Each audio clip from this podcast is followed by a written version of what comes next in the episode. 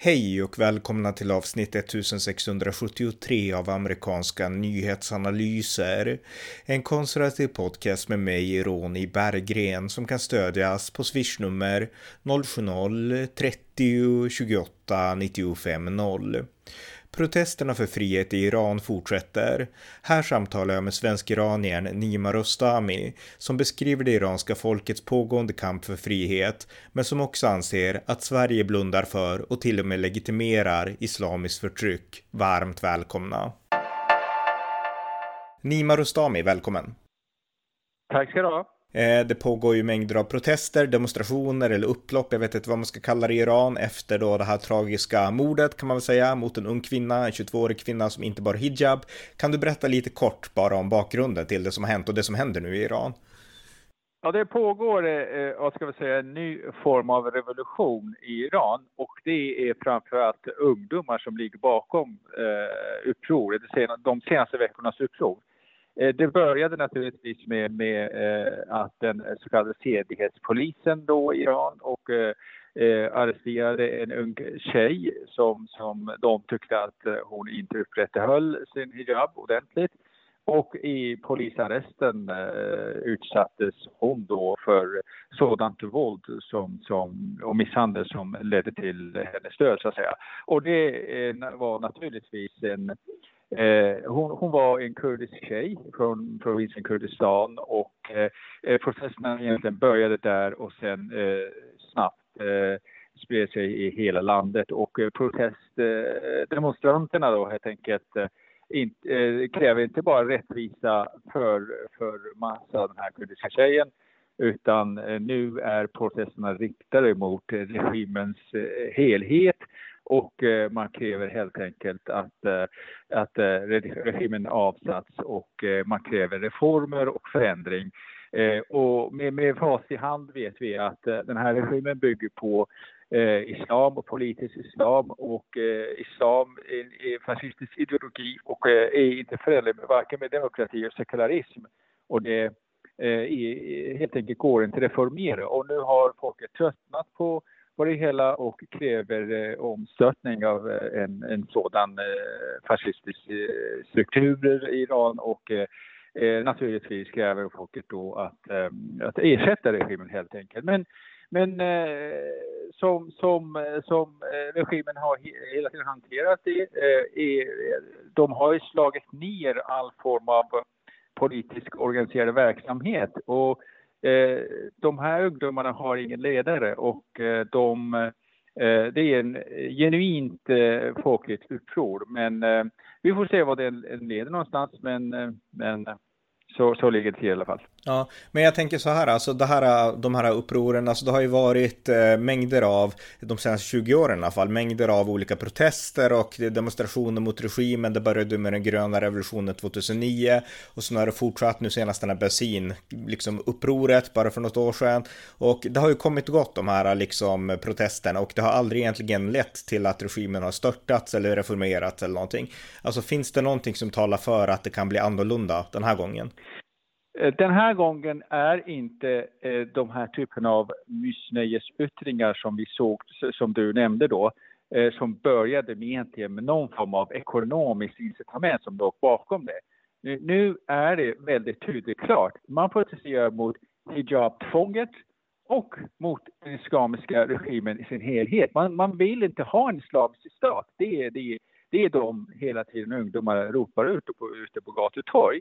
Och eh, det här är annorlunda. Det här, eh, eh vi har ju aldrig sett en sådan eh, förändringsvilja bland 20-åringar, 19-åringar i Iran. Och det är Eh, och, och framförallt är det, är det tjejer och kvinnor som går i bräschen för, för, eh, för protestaktionerna. Och det eh, har stöd i hela samhället, där protestvågen spred sig snabbt i hela landet. Och nu har till och med studenterna eh, börjat sin generalstrejk och så gott som alla stora städer pågår demonstrationer eh, och, och eh, strejk. Eh, igår eh, var det en av de värsta dagarna i, i provinsen Baluchistan och där en ung tjej av en polisbefäl blev utsatt för våldtäkt. Och folket eh, stormade helt enkelt polisstationen och avrättade just det befäl som hade begått det eh, brottet.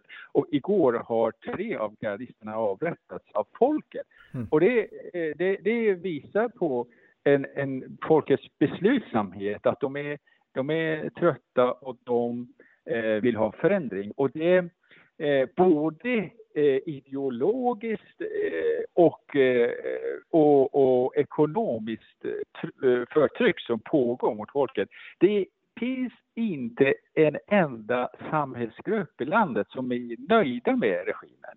Och det, eh, ha, läget har kommit till en sådan eh, så kallad tipping point som eh, kan faktiskt leda till en förändring i landet. Men hur? Eh, det kommer inte bli lätt, men, eh, men det här kommer helt enkelt leda till någon form av förändring i, i systemet. Mm. Men, men du var inne på det islamiska tidigare. Jag har pratat med andra som säger att den iranska regimen använder egentligen bara islam som en slags täckmantel och framförallt så handlar det om att det är en maffiaregim. Det är maffian det här handlar om, det är inte liksom islam. Eh, kan du berätta lite om korrelationen här och liksom hur mycket udden är riktad mot det islamiska i de här protesterna? Ja, alltså eh, islam är en, eh, själva religionen islam, eller tron, jag kallar det inte religion, men jag kallar det en ideologi.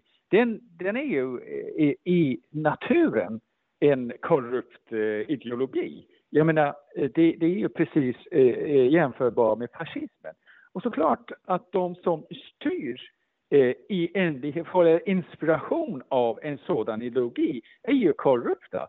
Och de eh, litar inte på folket. Och, och, och, naturligtvis har skapat en struktur där de gynnar sig själva, det vill säga en prästerskap och deras gardister som egentligen eh, har kontrollerat såväl ekonomiska som politiska läger. Revolutionsgardet är en eh, ekonomisk konglomerat. Och de styr även armén. Och, och även talmannen idag är en av gardisterna. En, ganska många gardister är riksdagsledamöter. Och liksom, det är klart, det här, och, och de utgör eh, procentuellt betydligt mindre procent av befolkningen. Det är kanske mindre än en procent av befolkningen. Och det är klart att eh, folket ser det och, och, och, det blir ju någon form av korruption också. Eh, så Eh, jag, jag, tror, jag tycker så här att eh, det är naturen av en fascistiska struktur leder till maffiastyrning också. Så eh, om det finns en maffiastyrning så har den i sin grund en islamisk ideologi. Och det, kan, det kommer inte leda till någonting annat. Det, det kan inte bli bättre än så här. För att eh, en ideologi som i naturen är diskriminerande, eh, eh män framför kvinnor och de har, leder en segregation och könssegregation. Det är klart att det, det leder till korruption. Det, vad, vad, ska man förvänta sig av en sådan ideologi? Mm. Eh, jag tänkte också det här massiva stödet bland folket och utlandet och sådär. Eh, hur ska man, alltså hur ska vi omvärlden nu hantera det här? Jag minns när den gröna revolutionen utspelade sig, då var det ju massivt stöd från omvärlden. Man, man gjorde kanske inte liksom jättemycket för man ville, USA framförallt ville samtidigt förhandla om kärnvapen och kärnkraft och så. Men, men man gav ändå moraliskt stöd till det som hände. Nu tycker jag att intresset är, det är ett stort intresse, men det är så mycket annat vi måste fokusera på också, Ryssland, Ukraina och så vidare. Så att vad ska världen göra i den här situationen för att stödja de här protesterna? Ja, alltså regimen, den iranska regimen har skickligt utnyttjat två saker. Det ena är att de har blivit legitimerade som en representant för Iran som en stat och iranska folket och eh, att de utnyttjar religionen som är en av de så kallade grundläggande rättigheterna i vår västerländska demokrati. Eh, men eh, vi utifrån, från, utifrån kan inte förstå det här spelet. Eh, det regimen gör eh, utanför Sverige utsänder sina lobbyister och, eh, och representanter och utnyttjar den svenska demokratin, till exempel om vi koncentrerar oss på Sverige, svenska demokratin och yttrandefriheten och religionsfriheten, startar moskéer, organisationer och köper upp helt enkelt lobbyister som är västerlänningar eller exiliranier eller, eller, eh, eller eh, eller svenskar med iransk bakgrund. Och eh, de har ju, går på två saker. Iran är en eh, medlem i FN och eh, liksom representerar iranska folket och, och staten och att de här individerna kan utnyttja de befintliga instrumenten i en västerländsk demokrati. Och, och, och, vi måste ju förstå det här att skillnaden den här gången jämfört med andra tillfällen är att nu är eh, protesterar folket mot, alltså folket, det här finns ingen organisation som ligger bakom protesterna. Och det är en genuin folkligt uppror. Jag tror att den här gången har man förstått det, att, att det här är, är, är väldigt allvarligt och folket tröttnar på det. Och då gäller det att vidta åtgärder. Diplomatin, alltså diplomatiska förbindelserna ska dras kraftigt ner. De här moskéerna, tankesmedjorna som finns, som måste ju stängas.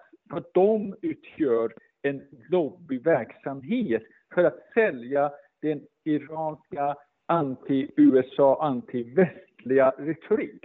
Och, eh, genom att utnyttja så kallade migranter med, med muslimsk bakgrund.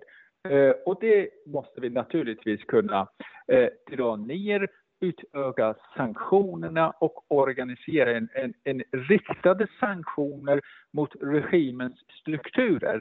Man måste hjälpa folk för att få tillgång till fri media och fri internet. Och det här, den digital, tillgången till digitala eh, liksom medier för att organisera upproret är en väldigt viktig moment i det hela. För när eh, eh, när det inte finns organisationer och partier som kan mobilisera protesterna så, så folket själva bildar grupper. Och det är enklare att göra det genom digital mobilisering. Och den tillgången till det måste ju underlättas.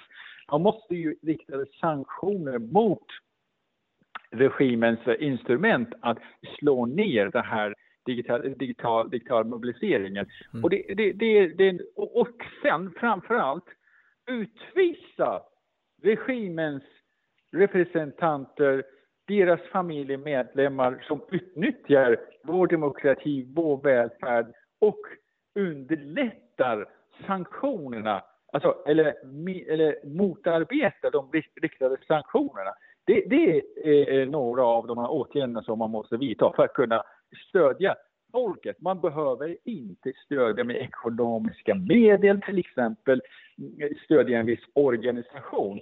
Det är det iranska folkets ansvar och de har ju tagit det ansvaret nu och då måste vi få stöd ja. Eh, i, i, de, de termerna så att säga. Ja, så, så felet för Sverige är att vi har stött regimen snarare än folket genom det vi har gjort. Och jag menar, jag minns ju, jag tror att det var förra året när det var två bröder från Iran som, jag tror de vart åtalade för spioneri här i Sverige, jag minns inte hur det gick eller sådär. Jag menar, tycker att Sverige har varit naiva i förhållande till liksom iransk påverkan på Sverige, dels liksom infiltration men också opinionsbildning där vi tror på något sätt att regimen är det iranska folket på något sätt. Precis. Eh, man har inte varit naiv. Man har drivit en medveten politik. Jag kallar inte Stefan Löfven, Ann Linde naiva svenska politiker. De eh, har medvetet, så som vi ser det inrikespolitiskt, alltså man, man främjar islamismen i Sverige. Eh, mm. Och, och, och, och, det här är en del av den här strategin som sossarna har drivit det här landet. Och det, alltså, det, ha, det, har inte förekommit på rätt länge någon västerländsk statsminister, nästan hela regeringen, flyger med ett plan till Iran och träffar diktatorn och deras representanter ingår affärsförbindelser. Det här är helt orimligt, horribelt skulle jag säga. Tänk vilken signal det här sänder mot de här ungdomarna som protesterar just de här diktatorn och det här, deras eh, fascistiska ideologi. Och sen tar Ann Linde på sig slöjan och brukar för, för, för, för eh, presidenten och Stefan Löfven skakar han med diktatorn. Det här är faktiskt eh, ett nagel i ögat på de här iranska ungdomarna. Mm. Eh, jag tänkte också som en, för att avrunda lite grann, alltså du har ju själv bakgrund i Iran, jag vet inte när du kom till Sverige och så, men alltså kunde du uppleva eller se det här förtrycket nu som liksom alla ser, men som alltså vi vanliga svenskar som inte har levt eller bott i Iran, vi har inte upplevt det liksom. Var det någonting du kunde se och liksom på nära håll betrakta i Iran en gång i världen?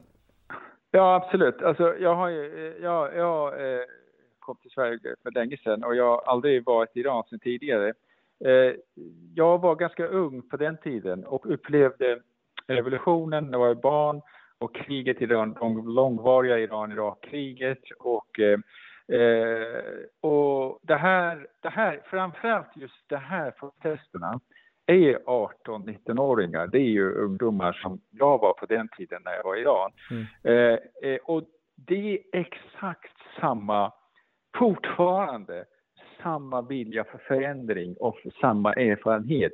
Man protesterar mot obligatorisk slöja, man vill ha tillgång till frihet och västerländsk eh, levnad, eh, levnadssätt och kultur och sekularism och demokrati. Och det är vad vi hade för känslor på den tiden. Och det är exakt samma, samma eh, känslor och samma vilja hos de här ungdomarna idag. Och, och eh, jag har upplevt eh, det förtrycket idag. Eh, på den tiden var det lite annorlunda. Då hade inte regimen fått sitt grepp ordentligt. Men nu är det helt annorlunda. Korruptionen har tillkommit. Eh, en brutal, liksom strukturell förändring, könssegregation framförallt, förtrycket mot kvinnor. Det, och, och, samtidigt som de här kvinnorna har eh, förvånansvärt har en en, en vilja för förändring och anpassning av sitt eget liv till den västerländska kulturen, demokratin och sekularismen. Det är förvånansvärt att den känslan eh, och den känslan för förändring fortfarande lever kvar i Iran. Och det, eh, för mig är det extra känslomässigt. Det river upp de gamla såren. Allt som händer är så omvälvande att man har väldigt svårt att ta in det. Eh, varenda stad dyker upp en e eh, sätter upp en egen liksom, protestmetod och de riktar sig mot revolutionsgardet, mot sedlighetspolisen med diktatorns bilder, stora affischer och bilder. De rev ner Qasem Soleimanis stora porträtt i hans hemstad eh, eh, eh, eh på öppet Eh, på, da, eh, på ljus, ljusa, eh, alltså framför, framför eh, demonstrant, eh, eh, regimens säkerhetsstyrkor. Och det här är ett enormt mod som som eh, lever kvar i Iran och det, det, det ger förhopp alltså, för, för mig och för många andra. Ja, jag förstår det. Jag har bara två frågor till då. En fråga där, hur viktigt är det att det uppstår ett ledarskap, alltså för den här rörelsen, för att man verkligen ska kunna åstadkomma en förändring? Därför att det räcker inte bara med att regimen störtas eller pressas tillbaka, det behövs en ny ledare som kan ena, liksom, och det har ju varit väldigt svårt i Iran. Alltså hur viktigt är det att det, att det reser sig ledare nu som kan stå över alla olika intressen? Eh, ja, alltså naturligtvis är det viktigt. Man måste ju kunna eh, förhålla sig till, till eh, en ledare för att kunna, kunna leda, leda det. Sätta ihop och de här mekanismerna och organisationerna. Det är väldigt viktigt. Men vi, vi saknar det fortfarande. Men jag tror att det kommer att växa fram även i, i själva Iran. De, de, de befintliga organisationer och individerna som finns i Iran, de eh, antingen eh, tillhör så kallade reformister eller till, till, eh, till nuvarande eh, regimen, alltså, alltså, ledaren. Och folket har inget förtroende för dem. Eh, utanför Iran finns det ganska stor splittring. Eh, men eh, det finns vissa individer som försöker att organisera det och leda. Eh, men, men eh, jag tror snarare att den Eh, ledaren en, en sån organisation kommer att växa fram så småningom inne i Iran. Eh, och, och, det kan ju ta lite längre tid, men eh, det kommer att, växa fram. Eh, eh, utanför Sverige finns en, en, en enda ledargestalt och det är prinsen.